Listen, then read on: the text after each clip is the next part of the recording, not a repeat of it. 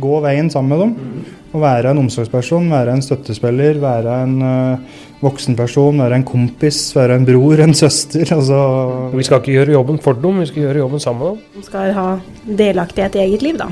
Og det er jo absolutt kjempeviktig idet du driver og blir voksen. For uh, idet du blir 18, så er du jo på en måte voksen. Men uh, vi skulle alle kanskje ønske, når vi ble 18, å ha en litt sånn kompis og støttesetter som har vært der før, da. Ikke være redd å stille ungene dine det spørsmålet. Eller gå og mistenke over lengre tid og bygge opp masse aggresjon eller uh, uvitenhet om hva som foregår om kvelden. Bare ta det med en gang. Du hører nå på Team Up podkast. Mitt navn er Espen Haug, og i et samarbeid med Team Up Helse AS har vi nå laga denne podkasten nettopp for deg. God fornøyelse.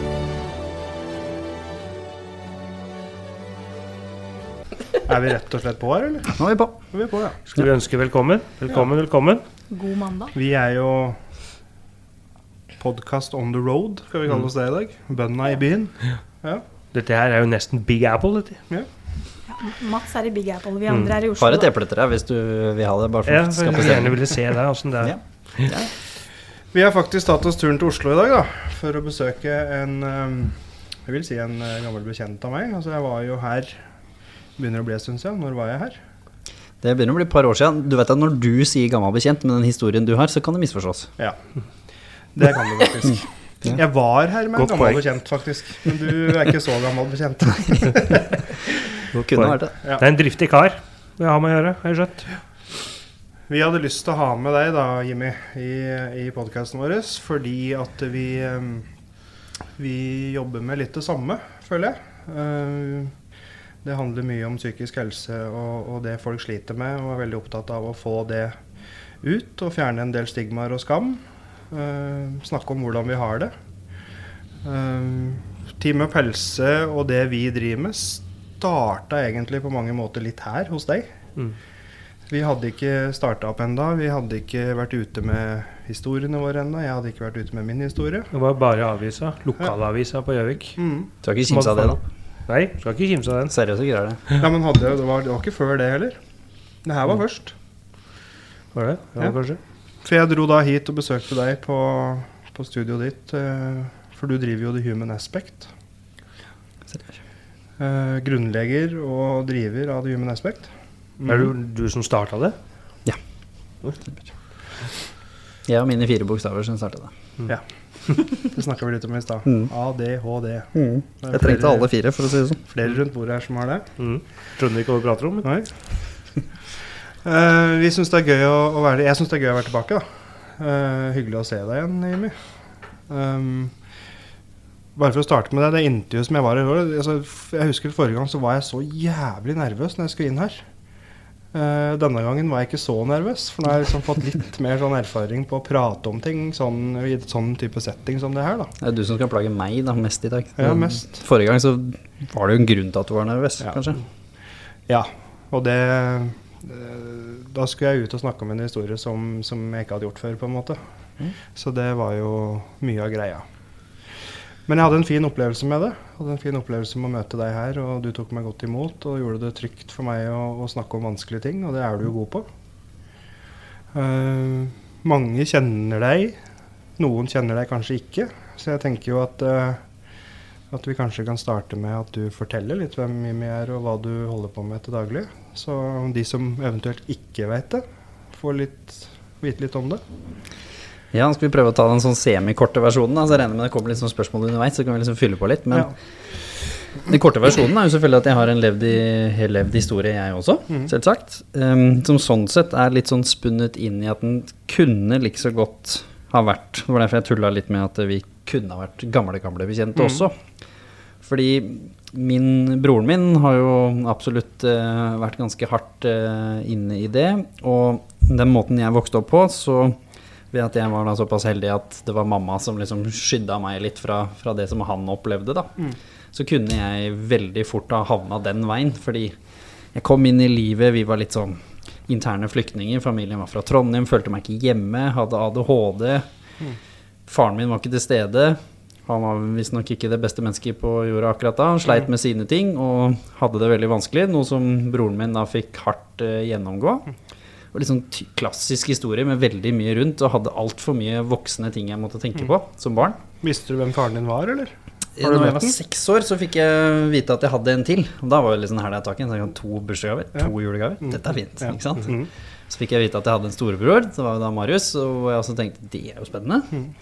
Men jeg visste jo ikke noe om hva det medførte. Jeg tror mamma hadde håpa og tenkt at kanskje ting gikk bedre og sånn. Og så når jeg først kom dit, så gjorde det jo ikke det. Han sleit fortsatt med drikkinga si og hadde utfordring, selv om det gikk nok bedre. Altså, hun eh, moren, altså stemoren min, som jeg hadde på den tida der, som var sammen med han, gjorde jo også en fantastisk jobb, og hvor det var et, et trygt hjem rundt det. Men med en gang han drikka, så var det da utfordringene kom, da. Var det mye rundt dere barna, eller? ja, det er jo sånn klassisk at du tror du skjuler det, men så gjør det ikke. Liksom En av de tingene jeg deler i mitt intervju, da, når det blir vekt midt på natta. Ikke sant? Og ja, gudene veit hva han kåler med. Hvor jeg bare, det var mot slutten, da Når jeg var i ferd med å tenke at det, nå holder det. Da hadde jeg vært der siden liksom fra sånn sju til jeg var sånn 13, tror jeg. Og husker jeg satt og titta på han og bare sånn inni huet mitt bare tenkte sånn Hvem er du? så, hva har du for noen connection til meg? Liksom, dette går ikke, liksom. Jeg bare- Føltes det unaturlig, liksom? ja, og bare følelsen hvorfor, hvorfor vekker du meg? Hva er det du vil? Altså, jeg var nok smart nok til å skjønne at eh, han hadde sine utfordringer, at det var et eller annet som lå under. Det var ikke sånn at jeg liksom tenkte at han gjorde dette med, med vilje for å være jævlig. Men det føltes veldig unødvendig, da. Jeg skjønte ikke hvorfor han fortsatte å gjøre det, for han var en fin fyr når han var edru. Liksom de få gangene var en artig kar og fant på ting og hadde sine positive traits som alle andre, men med en gang alkohol kom på bildet, og det var jo titt og ofte dessverre, da, så ble liksom alt bare kål. Men er det ikke litt sånn? For folk er jo folk. Altså, vi har snakka om det i podkasten vår før, vi, at de ungdommene som kommer inn hos, til oss, da, har rusproblemer og sånne ting. Det er ikke noe galt med dem. Også, de er ikke noe dårlige mennesker. og de, Det er ikke sånn at de ikke har ressurser eller er dumme i huet. Eller liksom, det er bare det at rusen tar overhånd, ruspersonligheten tar overhånd, og så blir du ikke deg sjøl, på en måte. Mm. Samtidig som det er en måte å frigjøre deg sjøl på. Det er jo et, altså Vi i The Human Aspect har vært veldig nøye med å si fordi Før så kalte man det en negativ mestringsstrategi. En dårlig mestringsstrategi, sa man gjerne. ikke sant? Alkohol, det er, det er dårlige saker. Mens nå har vi, kaller vi det en, en mestringsstrategi med negative konsekvenser. Fordi short term, for veldig veldig mange, så funker det jo. Se for deg et forferdelig scenario. Da. Du mister ungen din, eller som et eller annet skjer, banker på og gud forbi alt det der. Og så tenker du at alternativet er at jeg står i dette, jeg er skikkelig dårlig til å håndtere følelsene mine, jeg kan finne på å si, gjøre og i det hele tatt x dumme ting. Eller jeg drikker litt alkohol nå og tar av døyven litt og glemmer følelsene mine en liten stund til sorgen roer seg litt. I teorien folk er jo det positivt. Ja. Det er det egentlig ikke noe gærent med. Problemet kommer jo da fordi alkohol og veldig mange av disse andre rusmidlene er jo vanedannende, og man blir litt sånn Det var egentlig litt chill. At jeg ikke følte noe. Så istedenfor å møte disse følelsene, som er jo den tøffe tingen som vi har snakket om før, som man kan gjøre, så ender man ikke gjøre det. Og det er jo det som har skjedd sikkert med faren min også, og med alle disse hundrevis av menneskene jeg har intervjuet om det. Og da blir jo litt problemet, da, når det blir vanen din, som du sier, og den personligheten som du beskriver, da, som liksom kommer frem, kom fram med han, og jeg bare forsto det ikke. Men mitt problem For her tenker man jo sånn, men hvorfor ble du ikke bare hjemme, da? Ikke sant? Du hadde jo et annet hjem. Problemet var at i det andre hjemmet mitt, på Hurum, så var jeg mobba på skolen, hadde ADHD og følte ikke jeg passa inn. Så der tenkte jeg sånn Her vil jeg ikke være. Også hos pappa så var det fint utafor hjemmet, for der var jeg jo han som kom annerledes. Jeg var en storebror for en lillebror. Jeg hadde han storebroren min som var liksom innimellom inne der, og jeg var ganske kul, i hermetegn, utafor og i hjemmet. Det likte jeg. Det hadde jeg jo ikke hjemme. Så jeg sto litt sånn med liksom pest eller kolera og var sånn Jeg har ikke lyst til å gi fra meg det her. Men jeg har heller ikke lyst til å liksom si det, da, for jeg visste at hvis jeg bare nevnte et snev av dette her hjemme, så var det mørkt om natta. ikke sant? Da hadde jo mamma bare sagt bare glem det. Så det gjorde jeg ikke. Og da fant jeg meg selv i en sånn merkelig situasjon hvor jeg lot det skje på et eller annet rart vis. Så prøvde jeg etter beste evne å liksom gjøre det beste ut av det, da. Men når jeg da ble 13 år, Så hadde det kåla seg inn. Eh, eldre eller yngre? Eh, Ja, du har to, ja? mye unger, skjønner du, på Ja, du... pappa sin side. Å ja. Ja. Akkurat. Eldre tenkte jeg på da. Sånn, ja, du snakket om Marius er Ja. tre år eldre enn meg, tror jeg. Ja. Så, og så Stian, altså lillebroren min, altså var eh, Ja, han må nesten være ti år yngre enn meg, tror jeg. Eller sju-åtte år yngre enn meg, tror jeg. Så når jeg kommer midt oppi dette her, så var jeg 13. Da skulle jeg begynne på, begynne på videregående. Og så tenkte jeg at Nei, ungdomsskolen. Så tenkte jeg åh, endelig. Som blir bedre. Barneskolen på bygda det er, sånn, ikke sant? Det, det er ikke alltid det er heldig. Det var noen andre bygder som skulle være med på den ungdomsskolen. Tenkte jeg nå kan det bli bedre. Men så blei det ikke bedre. Og i tillegg så var jeg da på toppen av dette alkoholgreiene med pappa, og det begynte liksom å bli sånn at nå kjenner jeg vi klokker inn der borte, nå gidder jeg ikke mer av det. Og så ble mamma syk i tillegg. En av de få som kanskje så meg litt for den jeg var, da, og ga meg litt omsorg. Da var det mørkt for meg. Så da, som jeg har sagt mange ganger, så ble jo jeg ekstremt suicidal. Og hadde en plan som litt tilfeldig ikke ble gjennomført. Eh, på, fordi jeg liksom hadde en uke da, mellom jeg la den planen til jeg skulle gjennomføre. Og da ble jeg stoppa. Jeg husker et sånn godt bilde på hvordan jeg egentlig hadde det på den tida der. Det var onkelen min, som var en herlig fyr, som var en av de jeg følte liksom så meg litt. Farssida. Ja, på, på mamma. Mamma eh, mamma sin side. Han eh, jobba som vaktmester en liten stund på ungdomsskolen. Det er klart, på ungdomsskolen så henger vi ikke med foreldra våre eller onklene våre. Liksom. Da, da er det litt sånn at det er flaut på en måte på et eller annet tidspunkt. Nei, nei. I hvert storefri omtrent hvor han var tilgjengelig, så gikk jeg ned til han. Så satt jeg sånn. Satt jeg og spiste. Og dette var jo en annen tid, hvor det er jo lov å si at liksom mannfolka på den tida satt ikke og prata sammen. Men jeg tror han skjønte det, for han lot det skje. Og han gjorde helt riktig den, altså etter beste evne den gangen med å gi meg tid. Prata om andre ting. Tok meg med inn på sløyden, lot meg fikle litt rundt. Han trengte kanskje ikke å si så mye, det var nok at du var der. på en måte. Det ga han sikkert en forståelse av at det her er det et eller annet. Så dere delte sikkert noe uten at dere trengte å dele det òg, sikkert. Ja, og det var veldig nyttig for meg, men det sier jo hvordan jeg hadde det. Det er jo da du skal henge med andre og være ute og røve og på en måte flørte litt rundt eller drive med fotball eller kåle med hva du holder på med, men jeg gjemte meg der, da. I store deler av den perioden der. Så det var jo det som var liksom grunnlaget for den psykiske uhelsetingen i mitt liv. Men da visste jeg ikke at det het psykisk helse, så jeg bare visste at livet mitt var kjipt. Det var på en måte sånn man så på det den gangen. Det er jo litt sånn vi har pratet på flere ganger, da, at når du er liksom seks-sjuårsalderen og sånn, og så de åra som følger da, så, så vet du liksom ikke at du vokser opp unormalt. Altså ting er normalt, helt som du sier, du blir 13 år gammel. Da skjønner du at oi, ja, dette er kanskje ikke så normalt.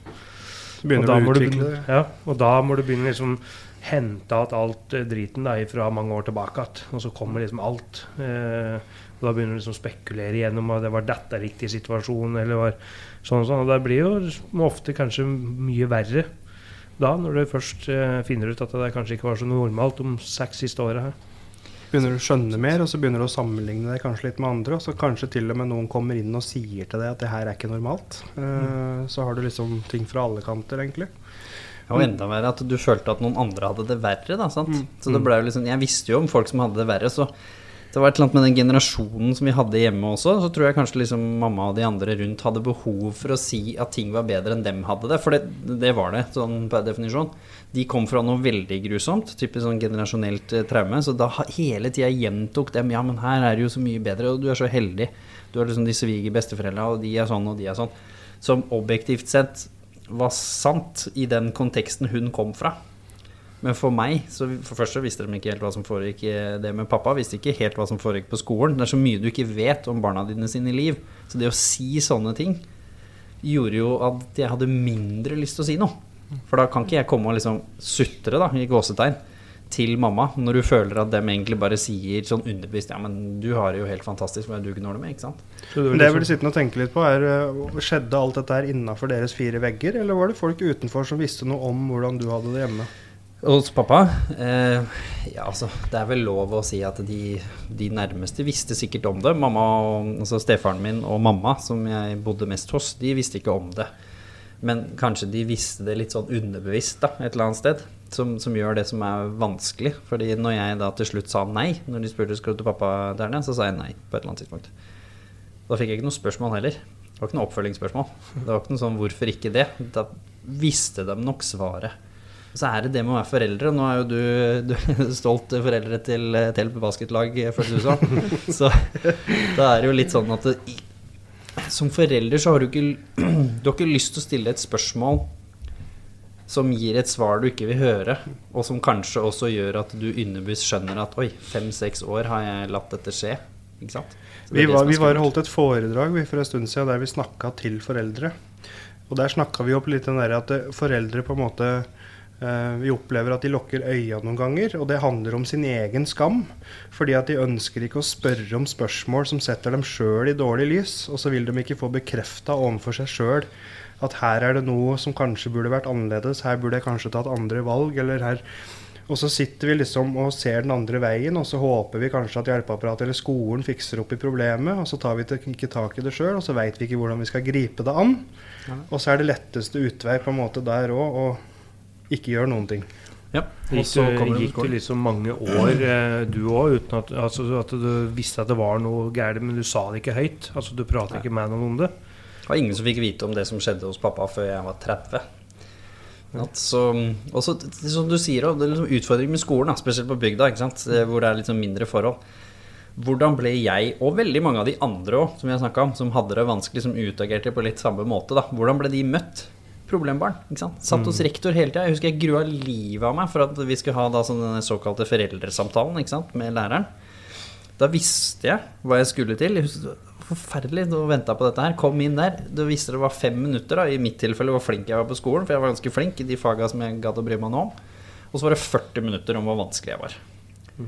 Der satt jeg, da. ikke sant? Med lærere og til og med mamma. Og de har også beskrevet noen av de samtalene som ufine, på en måte, fra, fra læreren sitt perspektiv. Hvor de har sittet og prøvd å forsvare meg litt. Men det er sånn Hva var vanskelig, og hva var lærerens perspektiv på at du var vanskelig? Nei, Det er jo alt fra å ikke klare å sitte stille, da, ikke sant? Sånn som vi i dag vet sikkert er traits av ADHD-en, til at jeg var han som skulle forsvare alle andre. Det var sikkert sånn jeg fant noe verdighet, kanskje, i mitt liv. Så da sto jeg opp for alle andre, men da lager de i kål, da, ikke sant. Og så havna jeg i mye sånn uskyldig trøbbel, skal vi liksom kalle det det. Kasta en tennisball gjennom ruta til rektor. Det var ikke med vilje.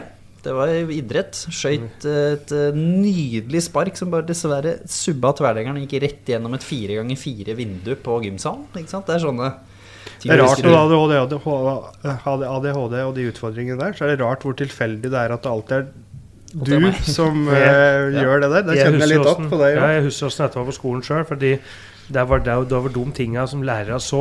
Ikke sant? Men de så ikke at hvis jeg satt i en annen time som jeg syntes var kjempeinteressant, så syntes jeg det var dritkjipt at timen var over. Da kunne jeg sittet i to-tre timer til og gjort en kjempejobb. Men så er det liksom den baksida da, som, eh, hvor du sitter i timer som det ikke som, Og det er jo litt sånn eh, når du har ADHD, at det som ikke interesserer deg, interesserer deg virkelig ikke. Altså du, du klarer nesten ikke å vri hjernen din til at det skal bli interessant i det hele tatt. Og så har du på helt andre siden noen ting som er interessant for deg, og da blir du helt oppslukt. Og litt om du liker læreren nå, da. Ikke sant? Hvis du får sånn hakkelærer da, som begynner Mm. å liksom å hakke på deg. Altså, du blir ikke noe mer motivert da, uansett hvor spennende det er. Mm -mm. Så da sklei jeg liksom inn mellom disse tinga. Men det var alt dette jeg trodde skulle bli bedre når jeg begynte på ungdomsskolen. For da får du jo nye lærere, nye liksom folk rundt meg. Så når med en gang det ikke blei det, kanskje til og med blei nesten litt verre, var da jeg ga opp, husker jeg. Sånn Mm. inni hodet. Hvor jeg bare sånn? Når du er 13 år, da, og du har tre år foran deg? Jeg tror ikke foreldre skjønner hvor underutvikla perspektivet til en 13-åring er. Så når du sier jo, men ikke sant? videregående er rett rundt hjørnet, bare sånn, hva er det du Altså, tuller du med meg nå, liksom? Rett rundt hjørnet? Altså, jeg klarte jo så vidt å se tre måneder fram i tid. Du, jeg skal se tre år fram i tid. Jeg rakna helt fra. Og så er det noe med skuffelsen du får da, hvis du går inn i det med en tanke om at nå blir det bedre, og så får du den midt i trynet i starten. Og så har du tre år foran deg som du skal prøve å bearbeide og takle den skuffelsen du får med at ting blir faktisk ikke bedre, og hvordan i F skal jeg komme meg gjennom dette her da, når ting ikke funker. Hadde ingen, eh, ingen tanker om det. Og så heldigvis, da, når denne uka eh, gikk over, og hvor jeg ble liksom dratt litt ut av det tankesettet, hadde det fortsatt like kjipt, så kom idretten på en litt sånn Den hadde vært der hele tida, men plutselig så Jeg vet ikke hvorfor, men jeg bestemte meg for at liksom Der skal jeg få det til. Det er liksom min vei ut. Og vekk, da. Ikke sant? Fra dette lille hølet som jeg som tenkte i huet mitt. Så da putta jeg veldig mye innsats i det. Og på ungdomsskolen på et eller annet vis så ble det kanskje litt lettere, for det ble litt mer seriøst med en gang. Så da var det plutselig at du ble bitte litt mer lagt merke til for å gjøre det bra. Det var ikke bare sånn at treneren var en liksom som bare valgte de som, som var uh, unga til de du kjente. Eller liksom, da ble det litt mer på resultater. Så der dytta jeg liksom hele mitt liv inn i dette her. Fordi for første gang i mitt liv så følte jeg at det var noe jeg kunne kontrollere. Det var derfor jeg likte matematikk og idrett. To pluss to er fire. Uansett om læreren liker meg eller ikke, får du alle riktig, så er det, så er det bra. Ikke sant? Mens i norsk og alle de andre så følte jeg de som ikke likte meg, så bare ga de meg drittkarakter og unødvendige tilbakemeldinger. Jeg følte på noe veldig urettferdighet da, i det systemet. Mens også idrett følte jeg sånn Ok, legger jeg ned ordentlig innsats nå, så er det litt mer opp til meg. Og det var plutselig min lifeline, egentlig. At det var én ting i livet, da. Som var opp til meg. Jeg følte pappa var ikke opp til meg. Følte, altså, det eneste jeg gjorde det som jeg følte meg myndiggjort rundt, var å si nei til å dra tilbake dit. på en måte Det var det eneste valget jeg hadde. Men da mista jeg jo alle de fine tinga jeg følte jeg hadde. Følte jeg skuffa lillebroren min. Følte liksom Ga ikke han noen forklaring heller. Jeg hadde ikke noe, ikke, vi hadde ikke Snapchat på den tida akkurat. Så jeg hadde liksom ikke noen måte å kommunisere med han heller. Og fortelle hvorfor jeg ikke kom tilbake. Så da sitter du der, da. Så jeg tenkte ok, idrett er livet. I tre år. Hva slags idrett? Alt. Fotball, basket, ishockey. Altså alt. Jeg hadde jo så mye eh, overskuddsenergi. Men eh, så var jeg litt sånn smålubben på et eller annet merkelig tidspunkt. Så gjennom de tre åra der så gikk jeg fra sånn smålubben kar til å bare bli ved en maskin eh, gjennom dette her, hvor jeg skulle liksom vise meg frem. Da. Det ble den eneste arenaen jeg kunne få noe oppmerksomhet, følte jeg. Rett og slett. Så da kom jeg meg gjennom det og hadde ett mål på hele ungdomsskolen. Idrettslinja. Fordi det var en skole som ikke for Det var jo sånne typiske regler at hvis du ikke er idrettslinja på den nærmeste skolen, så får du lov å søke på en som er lenger unna. Og det var det jeg var heldig. Så da visste jeg at jeg ikke trengte å gå på skole med noen av de tullingene som jeg, i gåsetegn, som jeg følte jeg hadde gått på skole med. da så da var det fem i snitt for å komme inn. Og det var jo klart, det var jo en challenge. Så jeg la ned en vanvittig innsats på skolen for å få dette her til. Og klarte på et eller annet mirakuløst vis eh, å få det til. da Og komme inn på idrettslinja. Og da ble psykisk helse egentlig noe litt sånn semifjert for meg, egentlig. Da tenkte jeg ikke så mye på det. Flytta hjemmefra. Ting ble bedre. Kom inn der. Ok, nå er jeg ikke lubben lenger, så da ble jeg ikke mobba for det. ADHD er positivt på idretten, det er ingen som går og gnåler om det. Eh, Og fagene var spennende, som du snakket om i stad, så det var mye lettere å følge med. Og i tillegg så var det helt andre folk. Og hun ene som jeg tok med meg fra der hvor jeg hadde gått på skole, hun var en venninne, så da var det liksom greit. Så gikk det litt sånn bra fra starten. Jeg husker jeg fikk liksom sagt noen av disse byfolka litt på plass. Da, for det var sånn bøgdeenergi, så fint å skryte litt av det. Første var 3000 meter, husker jeg, på skolen. Og alle de kjenner jo hverandre. ikke sant? Alle er på et eller annet kretslag eller vært med i NM. Eller, altså, vi bygdefolka hadde jo ikke drivet og kåla med sånt. Så husker jeg alle da hadde liksom forhåndssagt hvem som skulle komme da, på den lista her. Så han som var eh, norgesmester i 800 meter, han vant. Det er for så vidt greit. Og så ble jeg nummer to. Og så ble hun andre fra bygda, hun ble nummer seks. Og slo jo da en hel haug av de andre gutta. ikke sant? Så vi satte jo oss skikkelig Satt eh, bygda på, på På kartet. kartet. Så da fikk jeg litt sånn flying start, for da var jeg plutselig litt sånn spennende.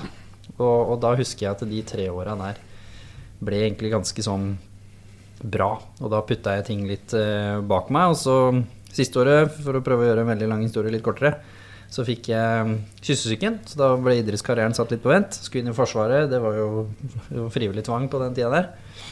Var inne da i spesialstyrkene og tenkte nok fortsatt sånn, fordi hele livet så hadde jeg blitt mobba for å være litt annerledes. Snakka kanskje litt for mye om følelser.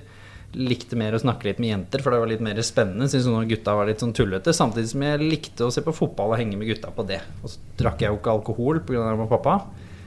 Så da var det litt vanskelig å liksom komme innafor med noen av gutta òg. Men på idrettsbanen så var jeg jo kjent for å være Altså, det var han du ikke ville møte. Altså, jeg var bare et dyr, og sånn veldig maskulin på banen, men da litt sånn annerledes utafor, da. Så det var jo litt sånn snodig, snodig kar. Så derfor så kom jo jeg selvfølgelig inn i Forsvaret og skulle inn da i spesialstyrkene. Og skulle jo vise en gang for alle at det jeg ble mobba for, ikke stemte. At jeg var tøffere enn alle de som mobba meg, på en måte. Tror Sette fotavtrykk, du, da. ja, jeg tror det var et eller annet sånt som drev meg. For gudene vet hva jeg gjorde i Forsvaret. Så jeg hadde jo aldri hatt noen tanke om å bli noen soldat eller noe som helst. Men det var liksom veldig klart for meg at dette skulle jeg få til. Men det er rart hvordan de mekanismene jobber. Fordi at jeg òg ble drevet av mye sånn underbygd sinne, og at det ble undertrykt, og at folk har tråkka på meg og sånn. Og så plutselig så vokser det når jeg vokser. At liksom, ja. nå skal jeg liksom ta igjen for alt, eller nå skal ingen få lov til å gjøre meg noe, noe mer. Og liksom, jeg kjenner igjen den mentaliteten der, da. Jeg også rota meg inn i kampsport, da, liksom boksing. Begge onklene mine drev med det, og de var veldig gode også, egentlig. Så rota meg litt inn i det, selv om det var egentlig liksom, var det jeg egentlig ville. Og masse frustrasjon som kom ut med mamma og sånn når mamma var syk i den perioden der. Og masse ting som ikke har vært bra der, og liksom sinne og ting som har kommet ut mot henne og sånn. Men igjen i den frustrasjonen om at det er jo ingen som spør meg hvordan jeg har det. Ikke sant? Så den bare pirker isteden. Og da, i mangel på perspektiv, så blir du sinna. Så blir du frustrert. Det er jo de følelsene som vi hadde lært var sånn halvveis ok. Men ikke hjemme. Det var ok på skolen. Da var det greit å være sinna som gutt, for det er jo bare sånn man gjør. Men hjemme, når mamma kom, og de kom fra en bakgrunn med og, liksom, mye vold og sånne ting fra andre i familien som de liksom rømte fra, og litt sånn ekskjærester og sånn, så var jo det helt tabu. Og stefaren min var helt motsatt. Svær kar liksom på størrelse med deg, og kjemperolig. ikke sant? Supersindig. Det derfor sikkert mamma falt for han. En kjernekar på den fronten. Så det var sånn litt sånn rart. Jeg kunne være hjemme, så fikk jeg sånn voldsom reaksjon på noe som helst som kunne minne om aggresjon. Men ingen spørsmål om liksom hvorfor. Og på skolen så fikk jeg lov til litt det, men jeg fikk jo kjeft allikevel. Men så sitter du der, da. Så Men når du var inne i den perioden her da, som ting gikk litt bedre, som jeg skjønner at du gjorde, hva slags forhold hadde du til familien under den perioden? Tok du avstand, eller var du hjemme igjen på besøk, eller hva gjorde du? tok jo litt avstand på videregående. Da ble jeg veldig sånn lukka, snakka ikke noe særlig med de forholdet liksom til mamma. og noen av det Kjølna veldig og ble overfladisk på et merkelig vis. Det var liksom klem, men ikke Du mente det ikke, hvis du skal kalle det det. Um, og så når ting Jeg var i Forsvaret og fikk ting litt på avstand, så begynner man jo å savne litt. Og jeg endte jo opp med å komme gjennom disse opptakene da, og havna til å bli redningsdykker i Kystvakta etter hvert. Og var da lenge borte for første gang, sånn veldig lenge av gangen. Og da begynte det å bli litt mer at jeg modna litt mer, kanskje. Og da ble forholdet litt bedre. Men igjen, jeg følte meg jo som han rare uansett i familien. Det var ikke sånn at vi hadde noe veldig tette bånd i den form at vi hadde samme interesser, eller vi gjorde ikke så mye ting sammen heller på den tida der. I mangel av noe bedre ord. Og så kom jeg liksom inn i Tenkte ok, hva skal jeg gjøre med livet mitt da? Når jeg var ferdig med Forsvaret, for det var jo ikke noe for meg. Så da ble jeg litt sånn må jo gå på skolen, da. Det har blitt fortalt hele livet. sant? Selv med ADHD så vet jeg ikke om det Men jeg likte skole igjen, da. Med en gang det var noe jeg valgte, så gikk det egentlig fint. For der er inne på den ADHD-en igjen, da, at der er det den som Mats pratet på i stad, den med interesse. Også hvis du finner noe eh, Jeg ble sittende og tenkte på sønnen min i stad, for han òg har ADHD. Og liksom, han har jo ikke ro i sjela, og han klarer, har slitt mye på skolen og hatt en del utfordringer med konsentrasjon og fått litt sånn tilrettelagte greier og sånn. Men hvis, han, ta, hvis han tar med seg fiskestanga når vi er på båttur, så kan han stå i åtte timer, og da får vi nesten ikke inn igjen klokka tolv om kvelden. Og at en med så mye ADHD liksom går så opp i ting, eller at han kan stå pal rolig med den fiskestanga i åtte timer, liksom. Det er så rart å se hvordan de med, Rart å se. Det samme med idretten og sånne ting. Jeg kunne jo stå i timevis. Eller hvis Lego, altså når jeg var kid. Det er jo ikke akkurat det du tenker liksom ADHD og Lego. Liksom, det er jo ikke det du ser for deg. Men da kunne jeg kåle i timevis, som du sa. Og være helt stille. Kunne ikke høre fra meg. Lurte på om jeg hadde dødd nede i kjelleren. Sant? Fordi det da er noe du liker. Og hvor du kommer inn i meditasjon og hvor det er ro ikke sant? inni huet. Det er jo aldri ro i huet på en med ADHD. Jeg hører jo ting hele tiden. Jeg tror det er mange som ikke vet at Jeg har liksom forklart det litt som at hvis du sitter på kafé, og du er et såkalt normalt menneske, da, hva nå enn det er, så når du snakker med noen, så soner det andre litt ut. Mens hvis jeg snakker med noen, så soner ingenting ut. Jeg hører alle samtalene rundt meg akkurat like tydelig som om jeg skulle prøvd å konsentrere meg av dem. Så du kan tenke deg hvis du har 15 samtaler inni huet ditt samtidig, og så skal jeg prøve å konsentrere meg om hva du sier. Eller sånn som på skolen i gamle dager, da, når det var litt bråk og sånn, som det var på bygda. Jeg fikk jo ikke med meg hva læreren sa, fordi det var så mye kål rundt meg. Og mye lyder og folk som fikla med ting. Og... Så jeg måtte sitte foran. Når jeg skulle komme inn på idrettslinja og få gode karakterer, så satte jeg meg foran plutselig. Ellers fikk jeg ikke med meg noen ting. Sånn at jeg da faktisk klarte å få det litt ut, men det var litt tilfeldig. Hadde ikke jeg hatt den motivasjonen med idrettslinja, så hadde nok ikke det gått uh, Jeg kjenner meg igjen. Jeg valgte idrettslinja sjøl fordi at idretten var den ene tingen i livet som er mestra. Hvor viktig tror du det er å finne en sånn mestringsarena for å liksom klare seg, komme seg, lande på beina liksom, i, når en har det vanskelig? Så jeg hadde jo mest sannsynlig ikke vært i live hvis ikke Eller det er ikke mest sannsynlig engang, det er bare sikkert. At hvis ikke jeg hadde hatt den tingen som ga meg noe glede Og det var også det jeg kunne snakke med og henge med noen av gutta på òg. For det var ikke det at jeg ikke hadde lyst, jeg hadde jo lyst. Det var bare at jeg følte ikke det var så mye annet å snakke med de om, da, for jeg hadde så mye problemer, og det var det jo gjerne jenter som var litt mer åpne til å snakke om, ikke sant. Så derfor så var det helt avgjørende for meg, både sånn fysisk med å finne en outlet for all den energien. Ellers så hadde det jo vært veldig vanskelig å konsentrere seg, og det hadde blitt mye sinne og sikkert flere sånne utbrudd, da. For vi jobber jo veldig sånn, og det er det som skiller oss fra en del andre foretak. For vi er veldig mye ute i felt, Mm. og så leiter vi veldig mye etter mestringsarenaer for ungdommen vår. Og så lar vi de få lov til å prøve ting som de har lyst til, og de melder inn at interesserer dem. Og så er vi ute og prøver å realisere det som det vi finner i, i dem, gjennom samtaler og gjennom å være ute et sted og ikke inne på et kontor eller ikke Og da, da leiter vi kontinuerlig etter de mestringsarenaene. For de som ikke har mestra så mye, og for de som har det dritvanskelig, så er det så viktig å få noen sånne gode opplevelser på mestring og sånn. da. Og det er noe som vi jobber veldig mye med i forhold til våre ungdommer. da. Det var jo helt avgjørende for meg. Altså, jeg er veldig Jeg vet ikke hvor jeg fikk det fra, men på ungdomsskolen så gjorde jeg det veldig sånn tydelig. Jeg skjønte at jeg må være veldig aktiv. Da får jeg det ut. Da får jeg sove. Jeg hadde kjempeproblemer med å sove før, mens pga. all trening og sånn, så ble det bedre.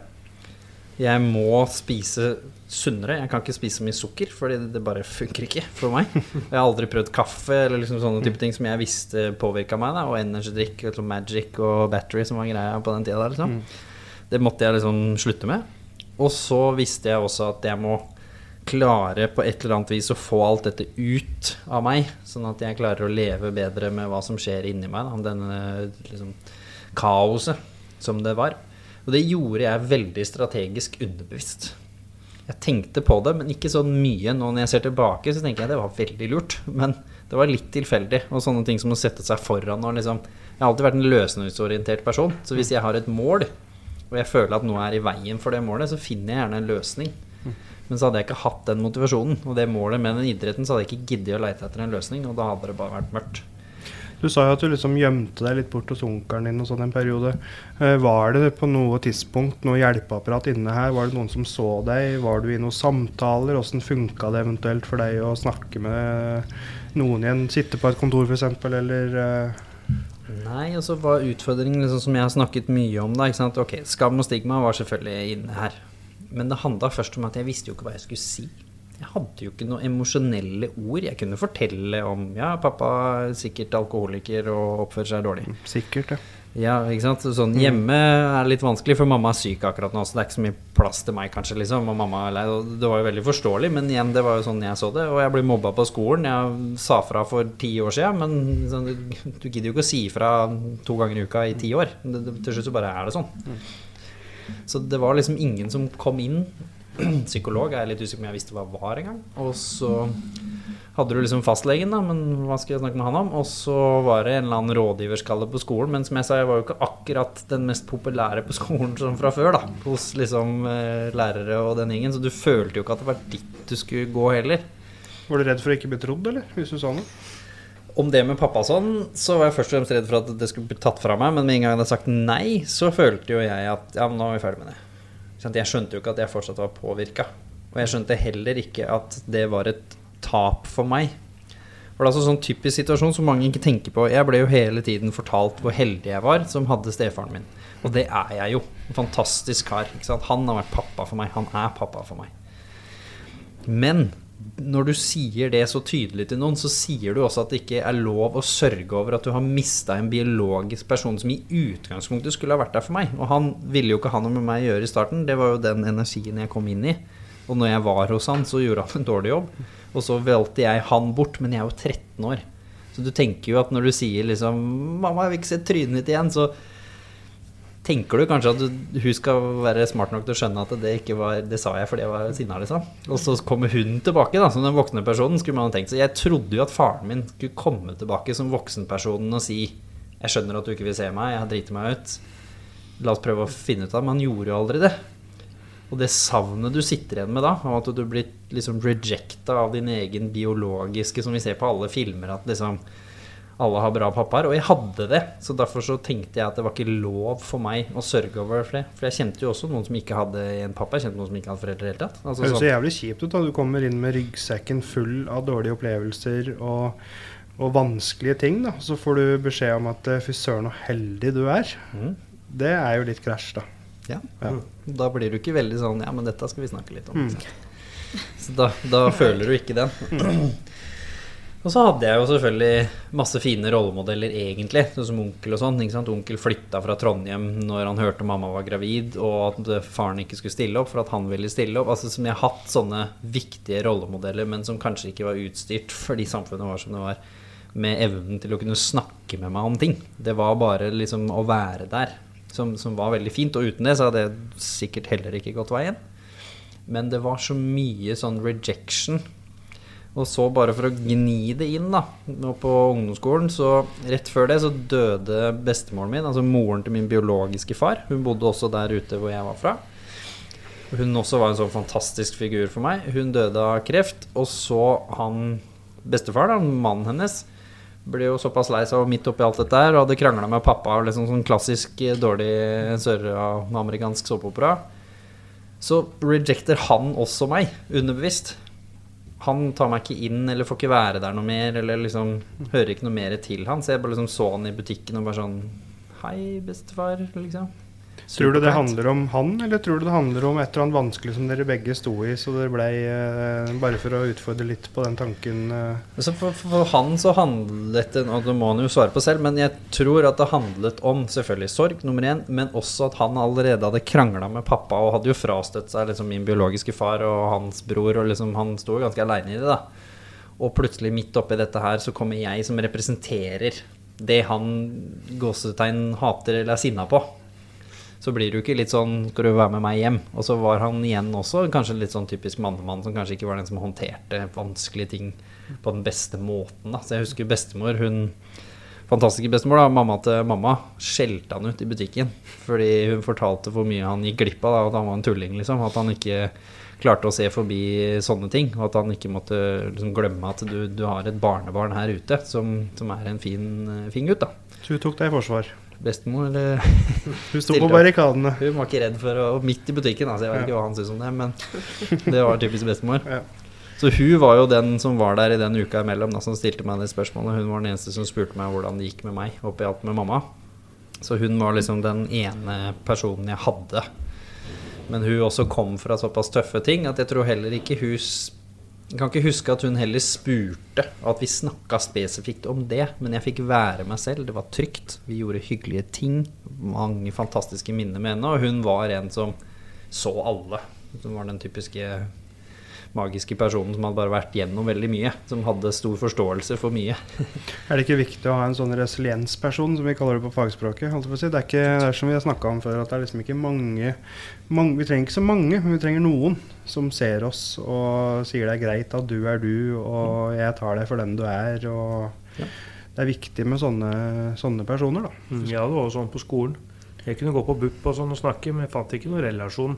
Jeg hadde én relasjon til én person på skolen. Han var verken lærer eller jeg vet ikke hva han egentlig gjorde på skolen. jeg. Men jeg var i hvert fall nede på kontoret og pratet. Han var viktig for deg, i hvert fall. Ja, og så husker jeg at vi var på, liksom, på en Hafjell-tur, og så, og så, så sier han i bilen at hvis, hvis du klarer å gjette hvor mange minutter det tar før vi er hjemme igjen, og hvis du klarer å øh, gjette riktig, så skal vi stikke på Mækkern. Sånn. Så det er slike ting som jeg husker. da Så han hadde alltid en sånn der, ja, greie utenom. Men ikke vet jeg hva rolla hans var på skolen. Men jeg var bare han pratet med. Og så husker jeg at en del år etterpå så hadde han òg dødd. Døde da, til sjukdom. Så jeg var sånn der, Det var ikke så farlig hva han var heller. Nei, Det var kunne- mye for deg, holdt jeg på å Men jeg kunne prate med folk på BUP, jeg kunne prate med masse folk. Men uh, ingen jeg fikk noen sånn relasjon til. Jeg syns jo det er et mysterium at vi Nå er det, det er lov å håpe at det er bedre i dag, men ut ifra de historiene vi hører, så er det ikke bra nok. I form av at folk spør hvorfor. Sant? Hvorfor gjør du som du gjør? Hvorfor utagerer du? Eller andre siden, vi skal ikke glemme de som blir stille heller, og introvert. Hvorfor er du så stille og introvert? For det er ikke bare personligheten din. Du velger ikke å være så isolert eller stille eller så utagerende og oppmerksomhetssøkende. Det er ikke bare sånn at du tenker at det, sånn, dette er gøy, og det er ingen som liker å få kjeft. Hvor er vi har det fra? Jeg At husker Marte sa, Marte sa det i en tidlig, tidlig episode, når vi Hvor hun sa at ikke, ikke spør er det, hvordan, eller er det bra med deg, men spør hvordan er det med deg. Det husker jeg beit merke til. Det er mange episoder siden du sa.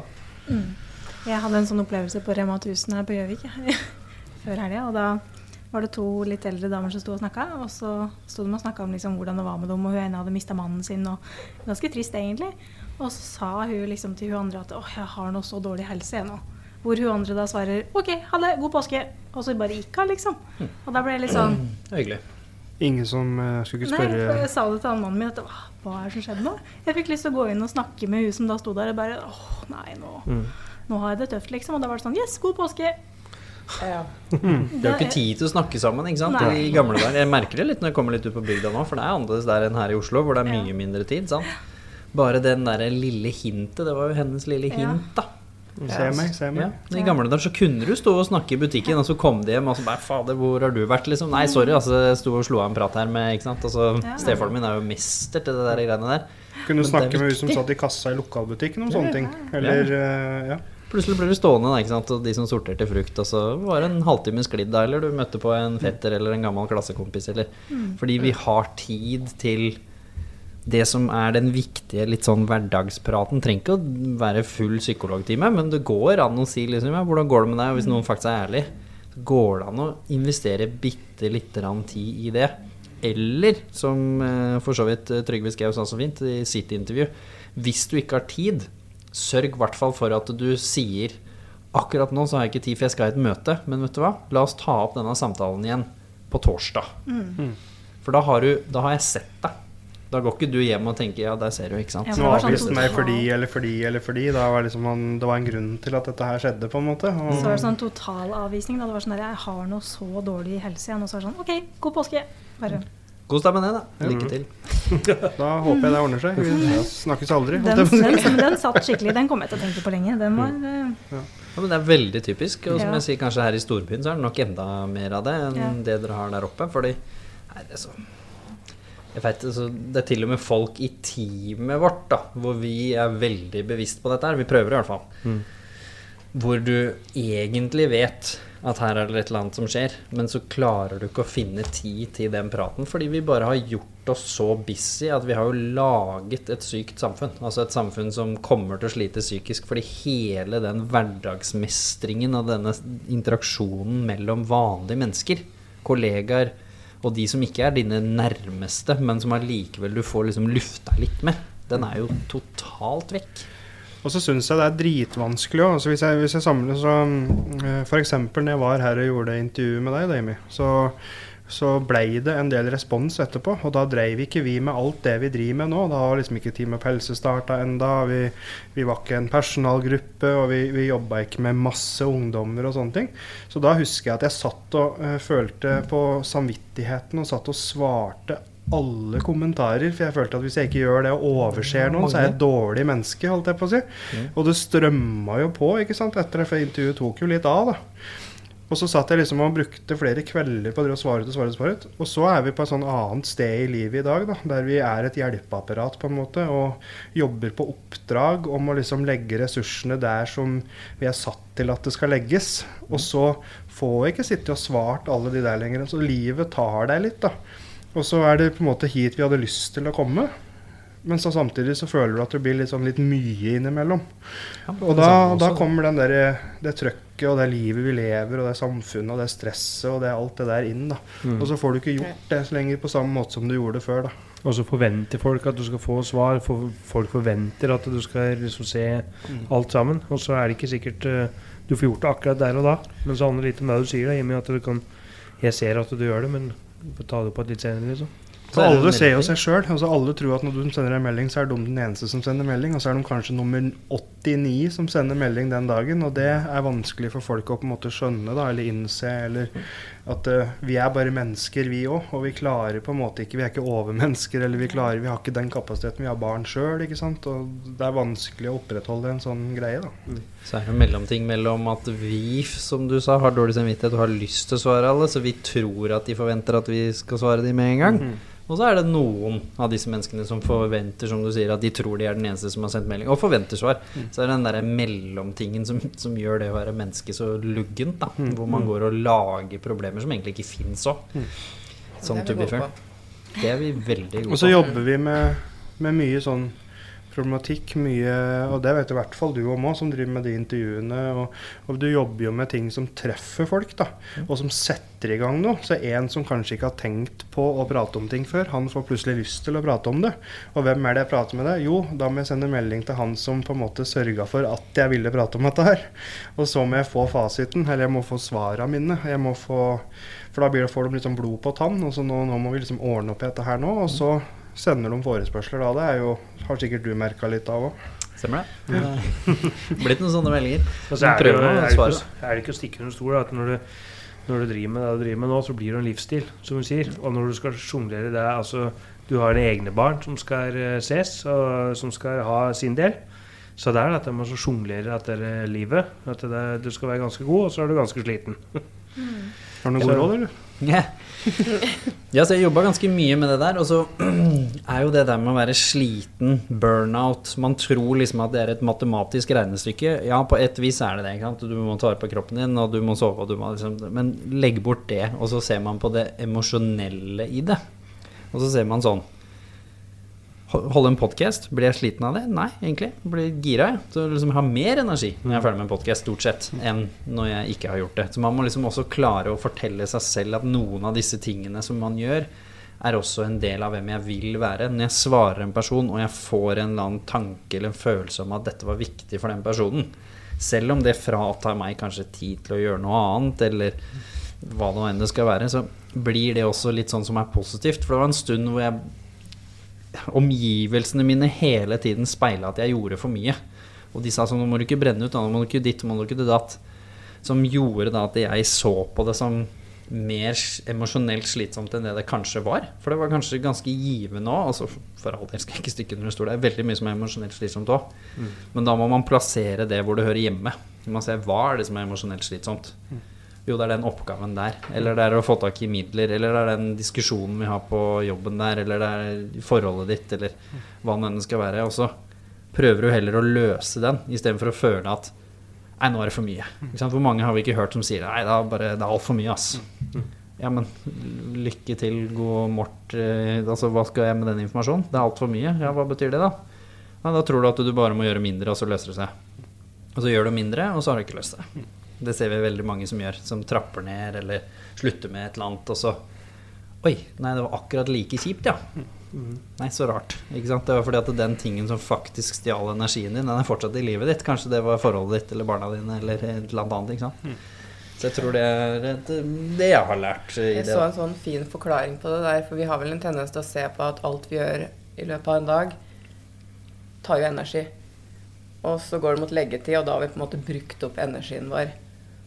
Eh, og noen ting gjør jo det. Og så er det andre ting som gir deg energi. Og jeg har i hvert fall ikke sett helt sånn på det. Men enkelte ting fyller deg opp igjen, sånn at du er på 100, og så går du på neste ting, og den kanskje tapper deg 20 og så ringer du hjem til dama eller kjæresten din som gir deg bare masse gode følelser, så er du oppe på 100 igjen. Og at hvis en har den balansen gjennom dagen, så Så går det fint. Fungerer ting eh, faktisk mye bedre. Det har litt med ja, åssen du ser på det, da. Noen dager jeg har gått rett i seng fordi jeg må, og stått rett opp igjen. Og vært fin dagen etterpå. Og når jeg gikk og la meg. Og så har det vært andre dager hvor jeg har kommet hjem tidlig i gåseøyne Ja. og gått og lagt meg Følte det som noen bare har kjørt opp meg med en emosjonell bil. Fordi det har skjedd et eller annet den dagen eller i den siste tida. Så det har liksom ikke hjulpet å sove eller gå tur i skauen eller hva enn man får av råd. Fordi du, den tingen bare er der, da. Jeg kjenner meg igjen i det, for at når jeg var her, så fikk jeg sånn jævlig Etter at jeg var ferdig med intervjuet med deg, da, jeg må prate litt om det, det er naturlig at vi gjør det når du sitter her, men da kjente jeg etterpå at jeg fikk masse energi, for jeg følte jeg hadde gjort noe bra. Jeg følte jeg hadde liksom åpna opp et eller annet, eller gitt kanskje noe da, som gjør at folk kan prate mer om ting. Men så sleit jeg med å sette grenser for meg sjøl i etterkant, fordi at det førte til at flere ville at jeg skulle stille opp og si det i ulike settinger. Uh, og når jeg forteller den historien, så handler ikke det om å snakke om ting som er vanskelig for meg. Det handler om å gi noe som er vanskelig, holdt jeg på å si, uten at jeg snakker om det for, at, for å få hjelp til noe. Eller det handler bare om å gi.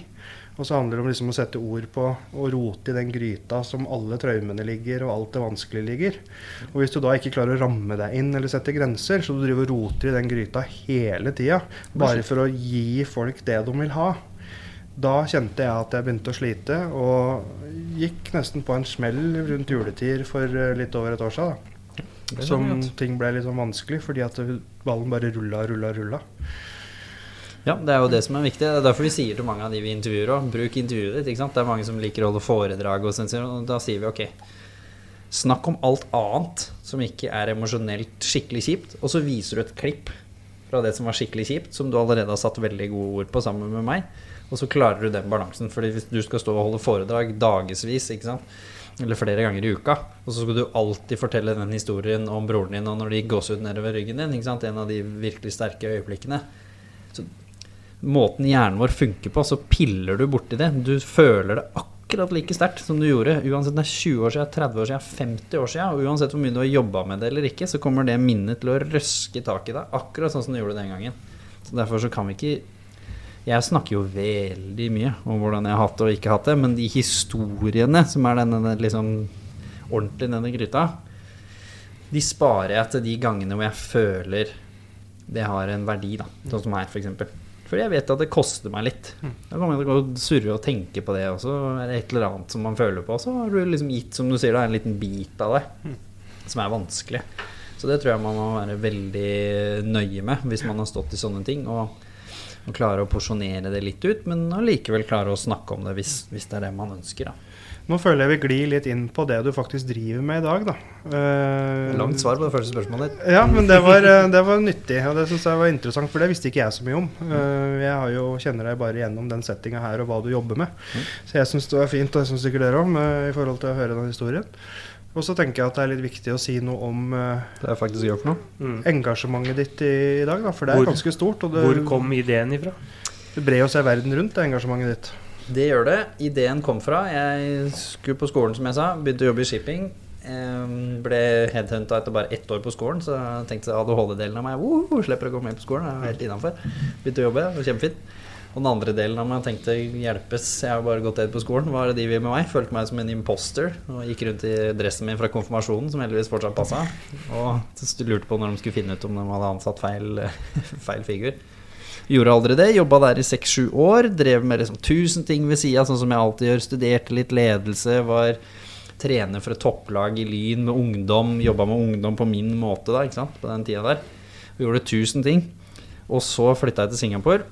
Og så fikk jeg en kjempeskade der i en fotballkamp i ryggen min. Knuste en skive i ryggen og var havna på sykehus og operasjonen og tjo og hei. Og da var vi rett tilbake igjen da til sånn som det hadde vært før.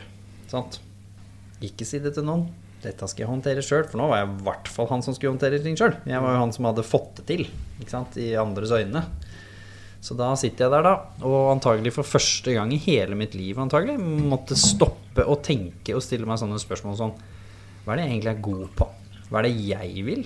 Jeg tror nesten alle mine valg i livet fram til da hadde vært litt sånn enten for å få fram et poeng, som du sier, eller tøffe meg litt i gåsetegn, eller liksom bevise noe for noen underbevisst. At jeg var verdt noe.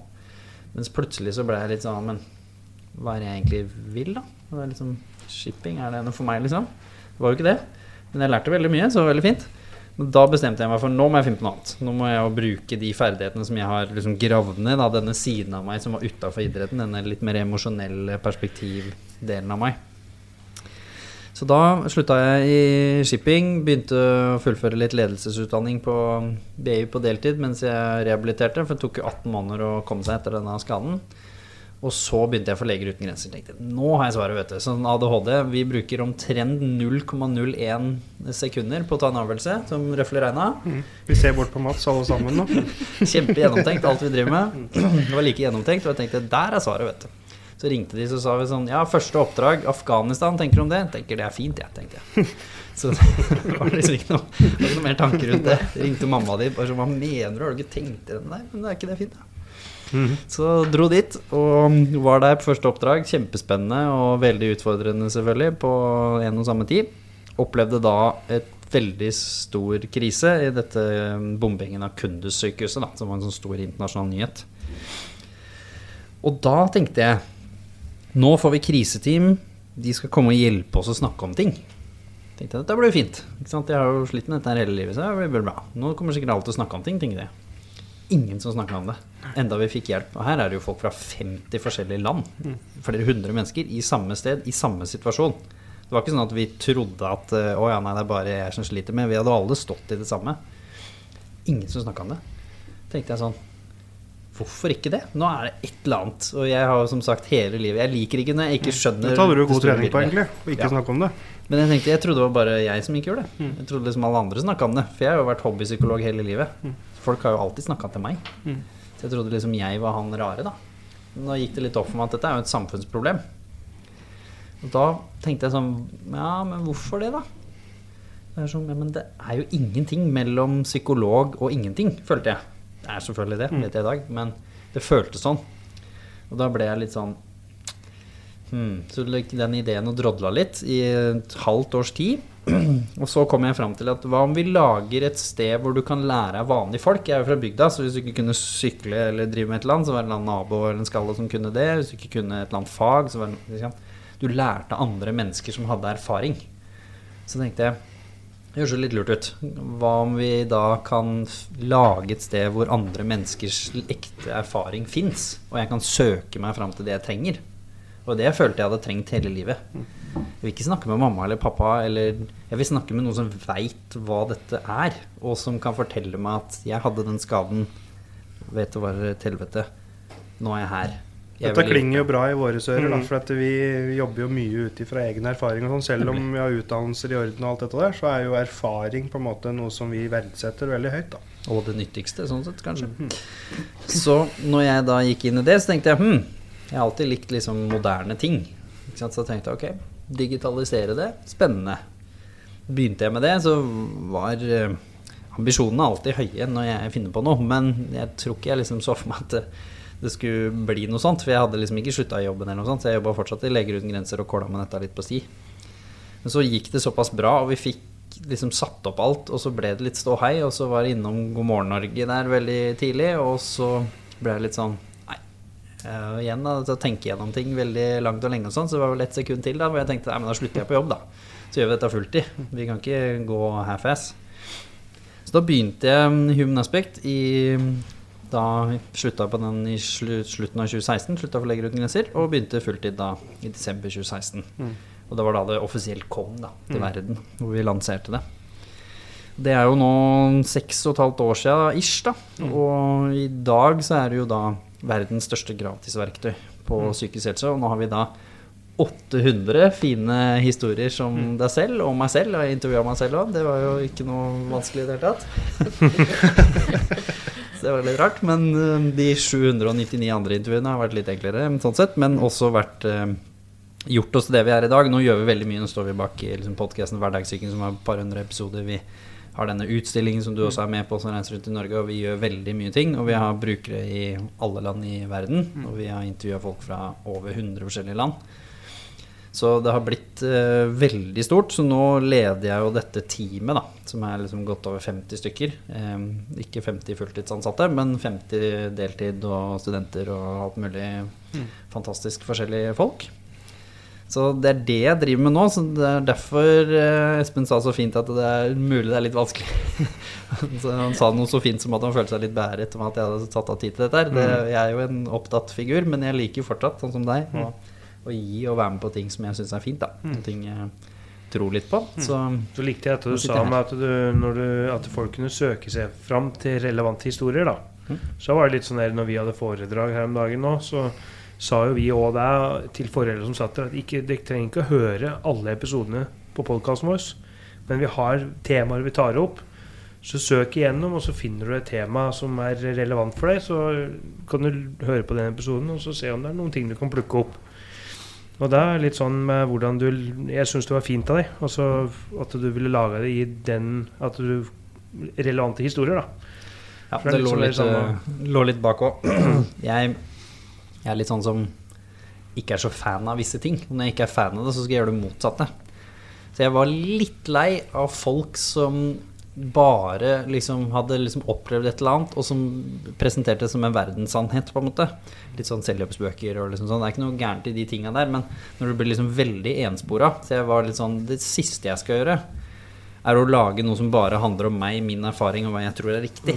Så da ble det sånn Ok, men 800 forskjellige menneskers opplevelser, men også 800 forskjellige svar på hvordan det gikk bra. Og selv om vi er jo nå anerkjent fagverktøy, så har vi klart å beholde den tanken. Det er ikke sånn at vi har masse psykologer her som sier at liksom, nei, den ene tingen Lars sa, den var litt borderline. Vi har selvfølgelig ting som Vi tar jo ikke med ting som vi tenker er skadelig. Men vi er også veldig brede med å, at visse mestringsstrategier funka for dem. Sånn som jeg sa i stad, at det var noen som har sagt at ja, i starten, hvis ikke jeg hadde drikket de første tre månedene, så tror jeg jeg hadde tatt livet mitt. Ja, hvem er jeg da til å si at det er feil? Ikke sant? Men selvfølgelig, videre i intervjuet da, så var det ikke sånn at personen ble alkoholiker. Da var det jo en som sa at liksom, ja, og så klarte jeg liksom å snu ting, fordi da var eh, det lettere. jeg tror det er fryktelig viktig i dette samfunnet her at folk ser noen andre som sliter med det samme som seg sjøl. At det kan bidra til å lære folk å være mer åpne og snakke om det. aleine, liksom. Nei. Så er det et forskjellig svar på hvordan du kan løse det. Mm. Det er så individuelt. Og så er det sånn jeg, jeg tenker masse på det. Jeg søker fortsatt enda liksom hva folk gjort med når de står i en sånn og sånn situasjon. Ikke sant? Så søker du hele tida liksom erfaringer fra folk, da. Så Vi snakker er litt for lite om det, spesielt i systemet, for der er det også sånn, ikke sant Pakkeforløp. Å ja, vi må finne ut hva som plager deg. For vet vi hva som plager deg, så har vi masse forskning som viser at det er dette som funker. Mm. Ja, men igjen, vis meg den ene forskningen som sier at det funker 100 av gangene. Da, for det, det er jo ingen forskning som viser det. Så det er fint at vi har litt sånn grove trekk, hvis vi skal kalle det det. Det har jo alle. Det har jo vi òg. Det er jo visse ting som har gått igjen i de åtte intervjuene, selvfølgelig. Som f.eks. å snakke med noen som står deg nær, og liksom begynne å åpne deg og akseptere og tjohei. Men det er også viktig å si og snakke mer om at det er veldig mange som kommer i behandlingssystemet hvor det ikke funker. Det er veldig mange som kommer i behandlingssystemet hvor det funker fantastisk. Og det er veldig mange som bare går og snakker med familien sin, og så løser det seg. Og så er det andre som trenger fem forskjellige ting for at det skal løse seg, og ti år for å løse det. For da gjør det det litt lettere for folk å skjønne ah, ja, men jeg må prøve meg fram. Det er det som er løsningen.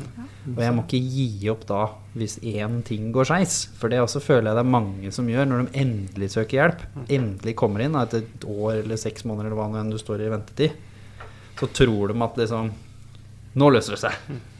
Det er jo ikke sånn. Jeg syns du kaller det så fint. Du er jo erfaringsbibliotek, har jeg hørt du har eh, kalt det. på en måte Og det er et sånn fint ord, syns jeg. Altså, da kan folk gå inn, og så kan de plukke det de eh, på en måte lurer litt mer på, eller kjenne, se om de kjenner seg igjen i ulike ting.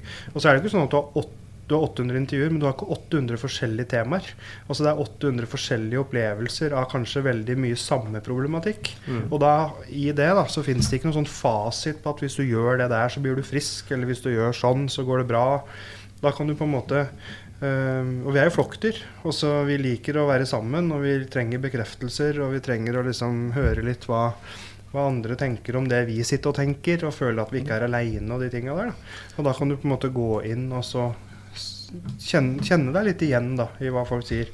Og så drar jo du det enda lenger da, med at du farter rundt i verden. Så her kommer et kulturaspekt inn i bildet og alt mulig. Altså du får jo så mange ulike perspektiver med det, med at du reiser rundt i hele verden og på en måte samler informasjon om samme type temaer og samme type problematikk. Og det setter jo ting enda mer i perspektiv, tenker jeg. Og det sier litt om engasjementet ditt. da. Hvordan kommer du fram til alle disse historiene her i alle verdens kanter? Da er vi så heldige da, at vi har et nettverk som gjør at eh, sånn som også Lars fant vi gjennom en annen da, som hadde delt, og som tenkte liksom Og så spør vi jo ja, kjenner du noen andre, og så sier jeg ja, ja, jeg vet om han Lars, han må du snakke med, han har vært gjennom noe, han kommer til å være bra. Og så, så går vi ut, og nå har vi blitt så kjent at det er veldig mange som kommer til oss og sier du jeg har vært igjennom noe, nå føler jeg at jeg er på et bedre sted. Tenker det kan være fint å dele. og vi vi har jo etablert et fascinerende rykte også. Fordi Det er vel noe av grunnen til at Lars kom også. Det var en liten, Vi har sånn, sånn fascinerende nisjer som vi har kommet inn. Det var, liksom, det var en stund med de som har hatt en litt røff historikk innenfor kanskje liksom det kriminelle eller liksom rus og sånne type ting. Det er ikke så lett å komme inn der og få folk til å føle at det er trygt å snakke om det. Så vi hadde på en eller annen merkelig vis liksom fått én. Og så var den en som folk stolte på, og så spredde det seg. Så plutselig en liten stund så følte jeg at vi liksom hadde alle som, litt sånn kjente og ukjente som hadde vært innom det. Samme med overgrep. Med en gang vi var inne i det, og det ble lagt fram på en god måte, så ble folk sånn Oi, det var litt nytt. Det var ikke sånn som VG, ikke for å henge ut noen, men hvor det kan bli litt sånn ensformig, og kanskje hvor man ikke får helt tid til å vise sin historie, da. Så plutselig så til slutt så har vi kanskje dekt liksom alle sånne store ting, og så plutselig fikk vi sånn Oslo Freedom Forum og sånne type ting hvor det kommer tidligere liksom fredsvinnere og sånne type ting som, som er veldig skeptiske til media og alt som har med intervjuer å gjøre. Hvor vi igjen fikk et rykte, hvor vi hadde da noen inne, og så plutselig så bare er vi nå et sånt sted som jeg tror, heldigvis, folk føler seg veldig trygg med å komme og fortelle historien sin. Det betyr ikke at alle intervjuer vi har gjort, har endt opp med at det har blitt publisert. For det er jo noen prosesser som man skal igjennom. Og noen ganger så skjer det ting i personens liv som gjør at de sa sånn jeg, Det var ikke det at jeg ikke sto for det når jeg sa det, men nå har det skjedd ting. Ikke sant? Det er veldig sjelden da bankebordet og det der, men det har skjedd. Så det er jo viktig å ta med det òg. At man må føle at man er på et riktig sted. Og så har vi jo blitt såpass kjent, da, som eh, Lars eh, har fått med seg, at det er også litt viktig å ta inn at det kommer til å bli sett av mange. For jeg husker jeg var dritredd når jeg skulle hit, for jeg må ærlig innrømme at jeg visste ikke så mye om det Human Aspect. Uh, og så gikk jeg inn og googla litt, og da var, fikk jeg sånn internasjonal følelse. Folk snakka engelsk. Og det var liksom, så skulle jeg inn der og så eh, levere ut livet mitt, på en måte. Og så uh, klarte jeg ikke helt å skjønne konteksten av det, og hvor mye dette her faktisk skulle ut. Og så tok det tok helt av i tillegg, da, så var det sånn der Jeg fikk en sånn derre Litt sånn pustebesvær i etterkant når liksom runda en million visninger, og det bare fortsetter å gå oppover, liksom. Så tenkte jeg liksom, fy fader, nå er det Menneskehjernen henger ikke helt med på Nei, den der, nei. nei. Ja. For meg som er en eh, enkel kar fra bygda, holdt jeg på å si, så ble det veldig mye eh, sånn Ja. Skjønner det, men det er det som Det er viktig at folk forstår, fordi man må klare å stå i det. Mm. Det som er fint med det, er jo at Som du sa, du snakka jo norsk, og vi har jo mange forskjellige språk. Når det har blitt sett av 1,8 millioner, så sier det seg sjøl at det er ikke 1,8 millioner nordmenn. Ikke sant? Vi har det i Norge, det er ikke det, men vi vet at det har blitt sett over hele verden. Vi har jo fått meldinger fra land som da har sett det med subtitles på engelsk, og sett din historie fra lille, store Gjøvik, som plutselig når ut i hele verden om et såpass stigmatisert tema da, i tillegg.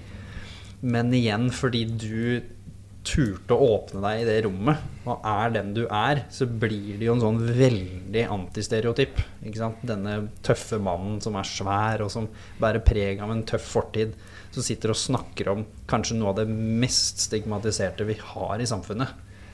Det skjønte vi jo kom til å gjøre en eller annen effekt på sosiale medier, for det er jo sånn de er laget. Men det er jo ikke bare der det har gjort effekt. Folk har jo sett på det. Ikke bare dette lille korte klippet, men av den over en time lange fulle intervjuet ditt. Og du gjør ikke det hvis du bare syns det var litt kult. Da gjør du det fordi det, dette er hjertet ditt nært på et eller annet vis. Og det er jo det som er litt magien i det vi prøver å få til, da. At vi skal hjelpe folk der ute som, som vi kan nå gjennom sosiale medier, som aldri hadde nevnt det. Vi har også en annen person eh, i et intervju hvor han egentlig kom inn for å snakke om at han hadde mista broren sin i eh, litt sånn eh, hva heter det, innocent bystander i et gjengoppgjør. Han var ikke i gjengen, men han ble liksom skutt da, i forbindelse med dette her. Og midt i intervjuet, fordi han da følte seg såpass trygg, så sier han I think maybe it's time to say what was actually my toughest challenge. Hva som egentlig var min tøffeste utfordring. Og så sier han det samme som deg. Og det også sier jo litt om hva slags arena. Ja, det skjønner jeg. Og da Han har aldri sagt det til noen. Ingen. Ikke et levende menneske. Og så sier han det i intervjuet. Det blir jo et sterkt øyeblikk, selvfølgelig, i det intervjuet, som da plutselig handler om to ting, da. Så viser jo det også at hvis man klarer å skape den arenaen som vi skaper, så kan man snakke om selv så tøffe ting på en så åpen og fin måte at det faktisk hjelper. Da blir det ikke bare en som sier at ja, ja, når jeg var liten, så skjedde dette, og så tuller vi det litt bort, og så snakker vi bare om, ting etterpå. Som var liksom action- action-greiene fra det tøffe krimlivet. Det er jo viktig. Ditt intervju, det var en grunn til at den sykepleierskolen sa at de ville bruke ditt intervju. Fordi det er sånn vi ønsker det skal være. Det er en grunn til at vi begynner å spørre litt om liksom, barnetida òg, ikke bare hoppe rett inn i liksom, rusavhengigheten og det kriminelle. Fordi vi vil vise verden, som du sa så fint i stad. Det er ingen som våkner opp og har lyst til å ende opp sånn. Eller være sånn. Så når du ser en sånn person på gata, så vil vi at de skal tenke på deg. Og tenke sånn Ja, men hva om kanskje? Ja, hvorfor havna de der? Hva er det som har skjedd? Og da møter du dem sånn også. Ikke sant?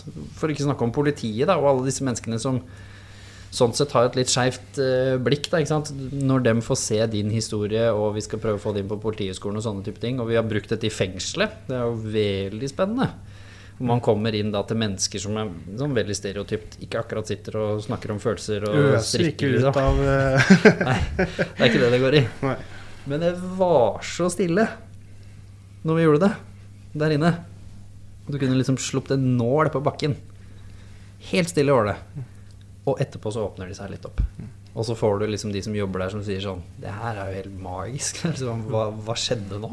Da får du se litt effekten, eller den kraften som er i folk, da, og de historiene som er rundt omkring. Og dette har vi òg sittet og snakka mye om i, i podkastene våre òg. Det med å altså, um, oppfordre til åpenhet og tørre å prate om ting. Ikke være redd for å spørre hvordan noen har det.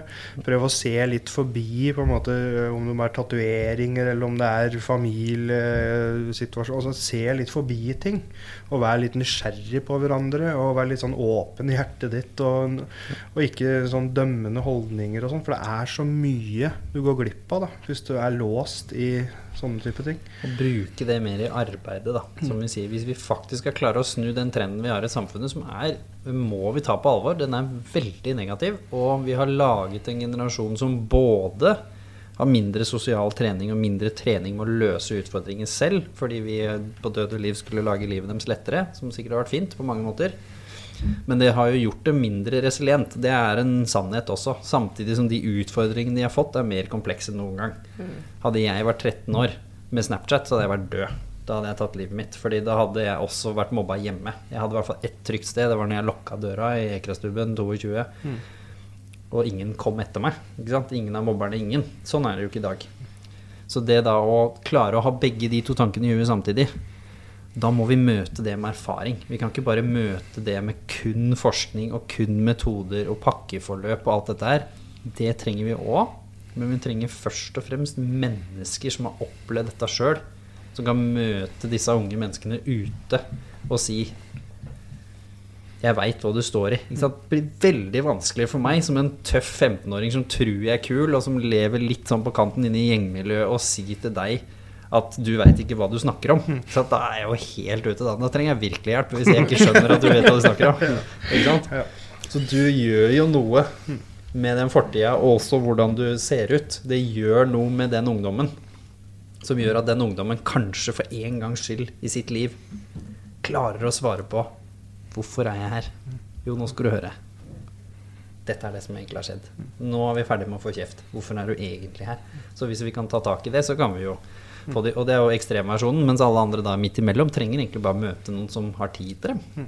Som vi om i sted, Det er jo ingen som har tid til noen. Verken av lærere eller foreldre som jobber døgnet rundt, og mamma og pappa jobber, og bestemor og bestefar jobber, og alle jobber. Når har du har tid til å snakke med noen? Og så er det på skolen òg, det er ikke noe kritikk til skolen, men det er sånn at en miljøterapeut sitter her, da, så er det liksom 500 elever på skolen. Og så kommer det en inn med masse krisa. Og så har du jo bare en halvtime, for det står sju andre i kø utafor. Og, og det er ikke miljøterapeuten eller skolen sin skyld, det er jo bare sånn det er, på en måte. Og det er vanskelig å på en måte finne den tida til folk der folk har lov til å snakke litt om hvordan de har det. da. Sånn sett så tenker jeg det er veldig fint med at du digitaliserer ting. da. For det er sånn som Mats sa i stad, at Hvis du søker deg fram til hva andre har opplevd med din situasjon, så tror jeg da Altså vi er ute etter å ikke føle oss unormale. Så hvis du finner bare én person da, som har det sånn som deg, så er det litt lettere å snakke om ting og på en måte komme seg videre. da. Ja, det er sånn hyppig på det enda. Altså når en jobber med ungdom, da, så er det greit, greit nok hvis jeg har eh, følt at jeg har en, et eller annet som jeg må jobbe litt ekstra med. da. Og så søker du fram til, så søker du liksom informasjon fra andre i samme situasjon. For det er ikke sikkert min fremgangsmåte overfor en situasjon som en ungdom står i, er den riktige. Men da får jeg flere innfallsviser, så kan jeg liksom se på intervjuet til den andre, eller så kan jeg se jøss, du, dette var ikke så dumt. Og du kan bruke det som et verktøy ganske mye. Men hviler, hviler du noen gang, Jimmy? Ja, men på en annen måte. Ikke Mm. sant? Jeg husker jeg hadde en periode hvor folk bare gnåla veldig om at jeg måtte hvile, sånn som de så på som hvile. Så da tok jeg en helg hvor jeg ikke skulle gjøre noe jobb, og så hadde jeg ikke noe plan. Det var ikke så lurt. Ikke funker ikke så bra. Nei. Da kom alle gamle demoner om at ingen har tid til meg. Da skjønte jeg hvordan samfunnet er. Sånn, du, Hei, det skal vi finne på den i dag? Folk bare snakker om. Jeg har booka kalenderen tre måneder fram i tid. Det er jo sånn vi er nå, ikke sant. Så da fant jeg ut at det var ikke helt min greie. Å sitte hjemme og binge, hva nå enn det betyr, og se på serier veldig lenge uten å gjøre noe annet, det funker dårlig.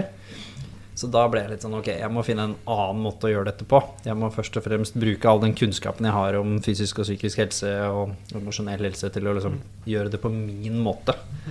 Og da ble det å prøve å få liksom natur, trening, fotball som jeg fortsatt ser på og syns er gøy, kino som er liksom en sånn greie. Jeg følger deg jo, så jeg ser du liksom er ute med hengekøya di og er eh, jeg, jeg føler meg litt igjen i det. For at jeg òg hviler mens jeg gjør noe. Ja.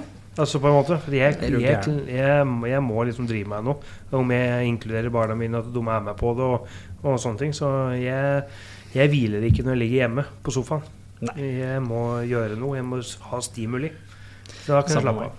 Og da slapper jeg bedre av å lage mat, da, som er litt, min, sånn, litt mer sånn hverdagslig greie. Da slapper jeg litt av. Da liksom lukter jeg på maten og bruker ja, alle sansene mine og, Mm. og koser meg veldig. Da. Så har jeg selvfølgelig Det er ikke det at jeg ikke ser på serier, jeg har mine ting, jeg òg, men det er ikke det som hviler meg. Og så mm, leker jeg litt med grensa, da. Når du har liksom de ambisjonene og de tankene vi har, så skal ikke jeg gå og si at jeg lever det livet jeg hadde gjort hvis jeg ikke hadde den jobben. For da hadde det nok vært litt roligere. Men det er også da noe man er villig til å gjøre. Og så må jeg da være ekstra flink for at det ikke går skeis. For det har vært noen ganger hvor jeg har vært bitte litt over kanten antagelig, og så har jeg klart å hente meg inn. Men det er jo litt fordi jeg er heldig og vet veldig mye om det. Og så er det mye fine folk rundt meg som noen ganger man blir litt irritert på fordi de driver og pirker hele tida og gnåler, men samtidig er litt glad for at du har der, fordi da glemmer du det i hvert fall ikke og går liksom rett på veggen og lurer på hva som skjedde. Jeg har folk rundt meg som sier liksom Du, nå ser det ut som kanskje det kan være greit å gå litt i skogen der igjen, liksom. Sånn For at å- man klarer Ja, så akkurat sånn er det. Akkurat på slik måte. Jeg kjenner meg veldig igjen i det du sier.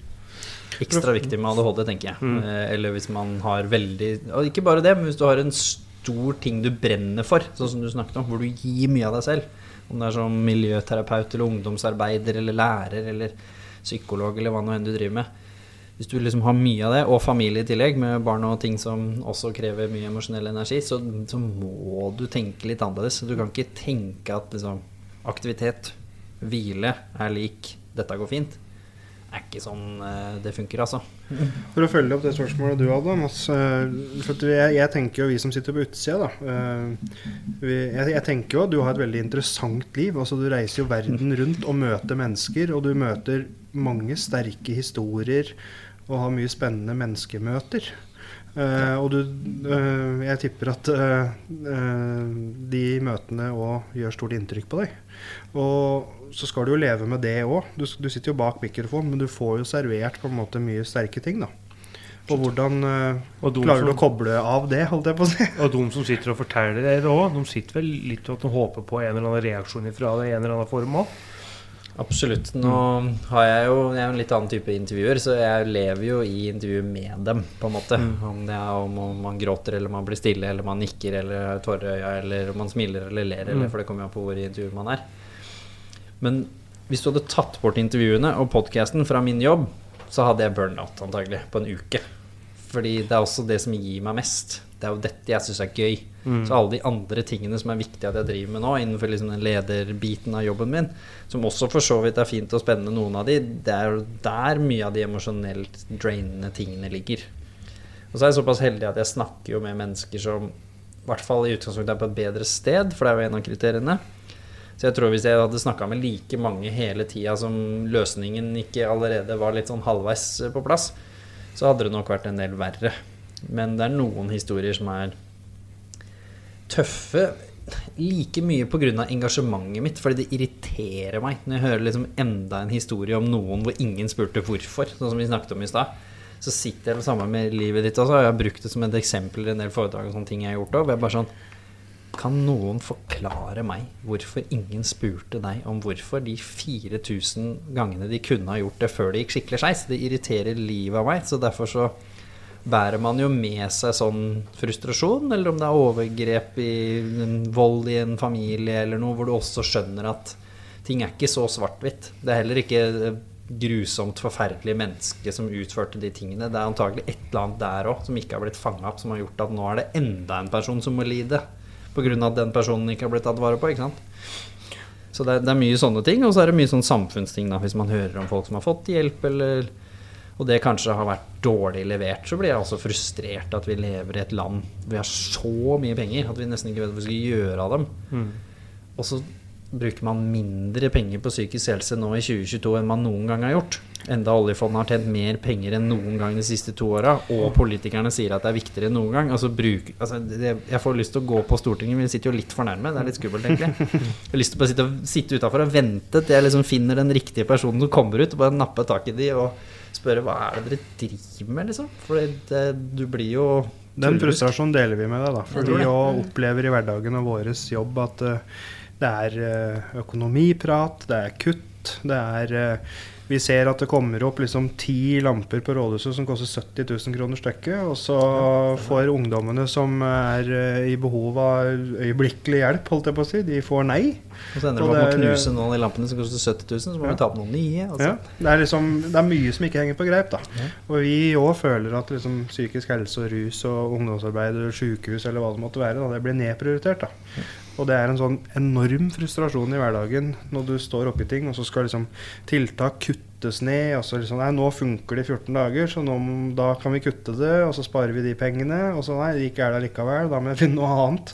Altså Det er så mange sånne ting da, som går utover de som trenger det mest. da. Så er det ingen som hører på den langsiktige planen.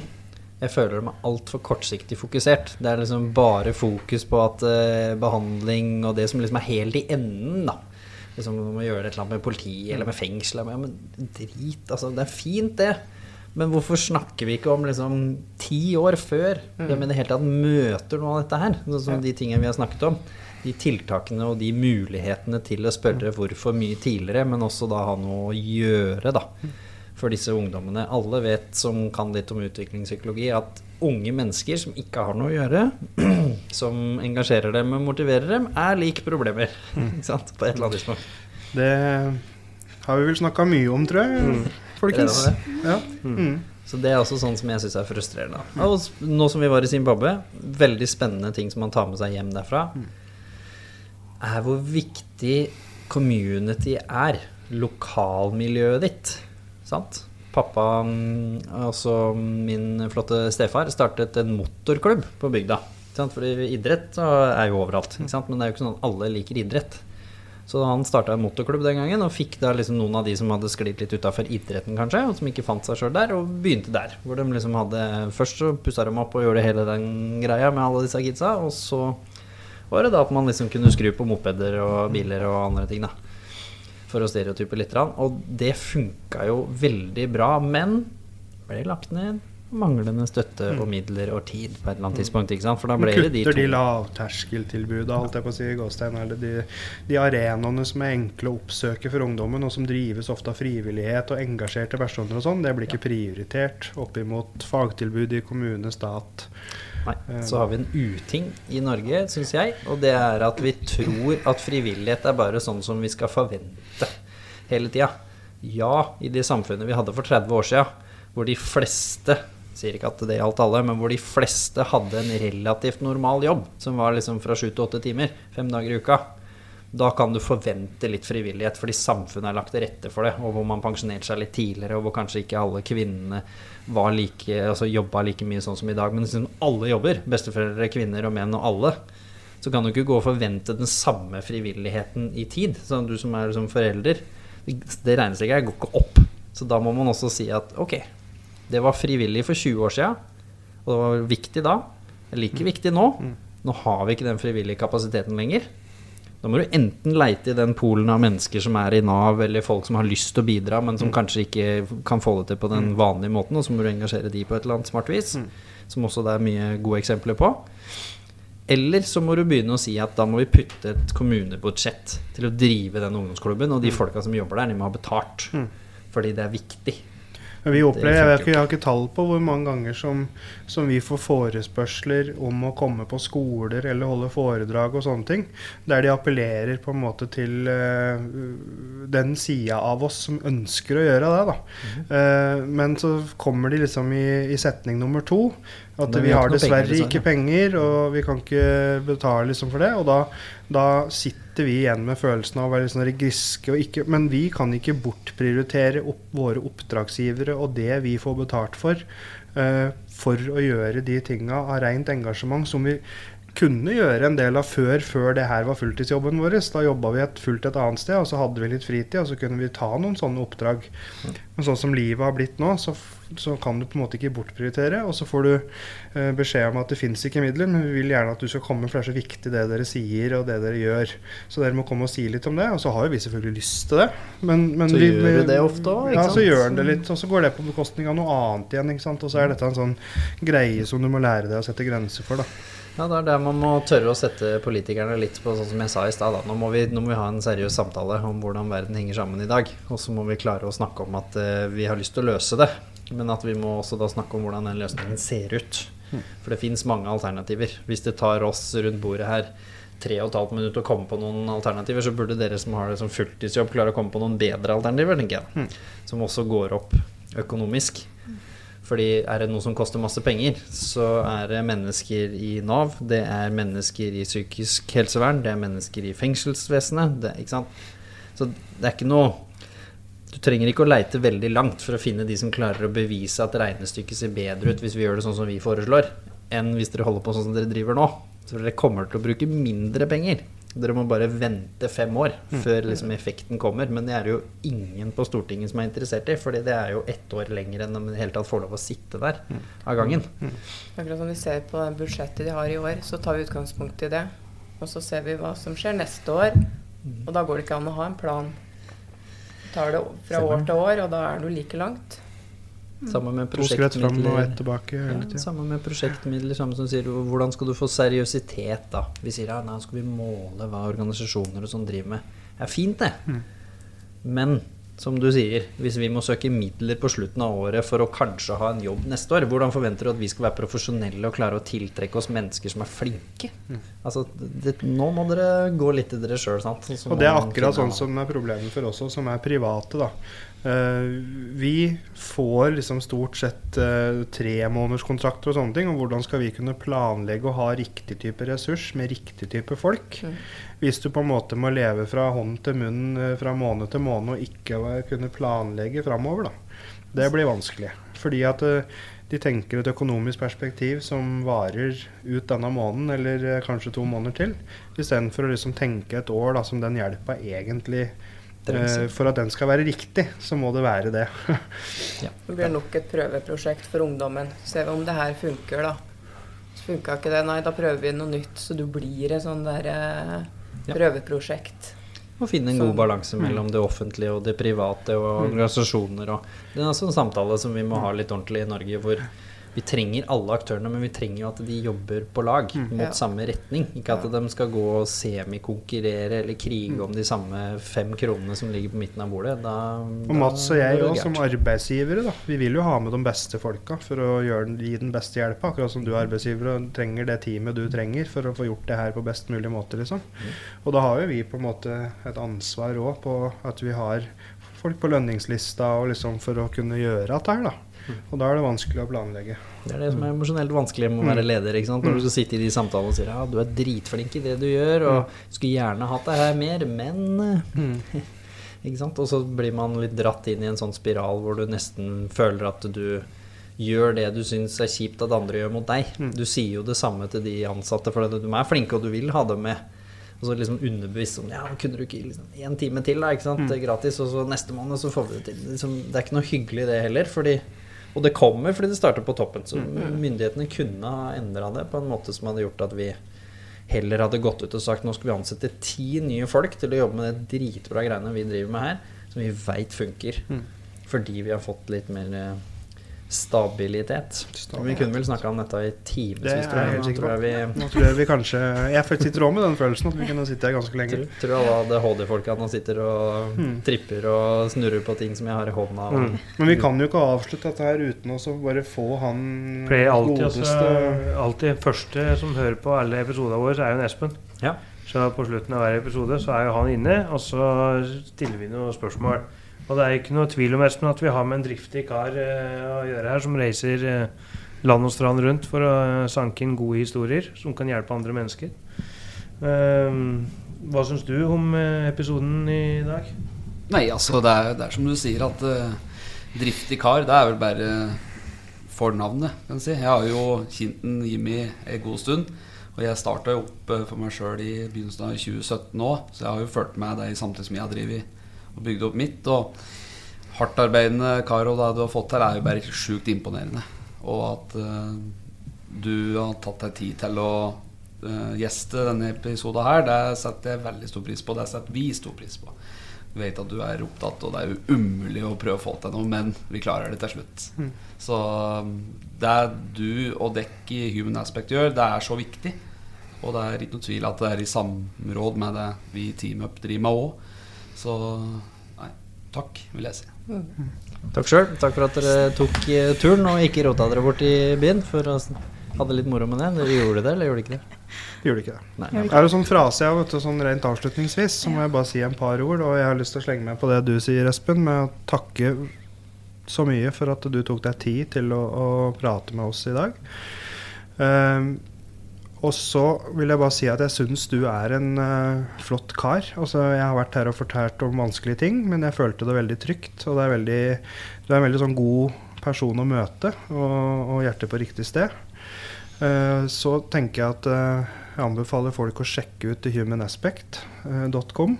Absolutt. Eh, hvis du sliter med noe, hvis du er nysgjerrig, eller hvis du vil lære noe nytt, eller hva det måtte være, sjekk det ut. Det er absolutt verdt det.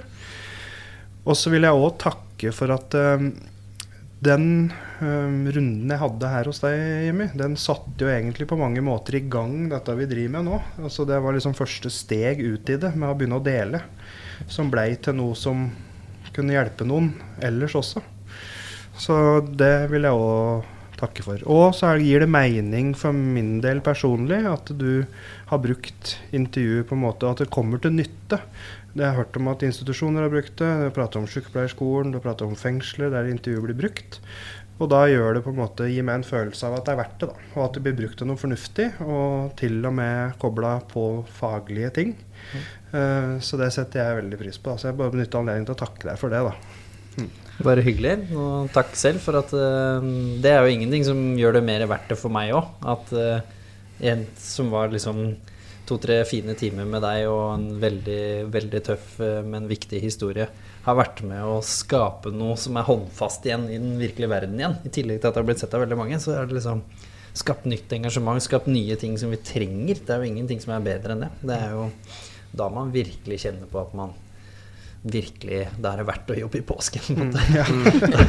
Da er det verdt å jobbe litt mye, da. Ja. Når man får til eh, og positivt påvirker andre mennesker også. Så det, det er veldig fint. Og det er moro å følge med deg òg. Vi har jo bedt deg stille opp på andre ting, og du stiller alltid opp. Så det er også noe vi setter pris på, da, for det, vi vet at, det- vet at det koster. Liksom, som, du sa, hver gang man gir en liten bit av seg sjøl, så koster det litt. Men mm. hvis vi sammen gir eh, små biter av oss sjøl og gjør det litt smart, da, så er det jo lov å håpe at andre kanskje kan slippe å gjennomgå de samme tinga som, som vi har måttet klore oss gjennom. Da. Mm, helt enig.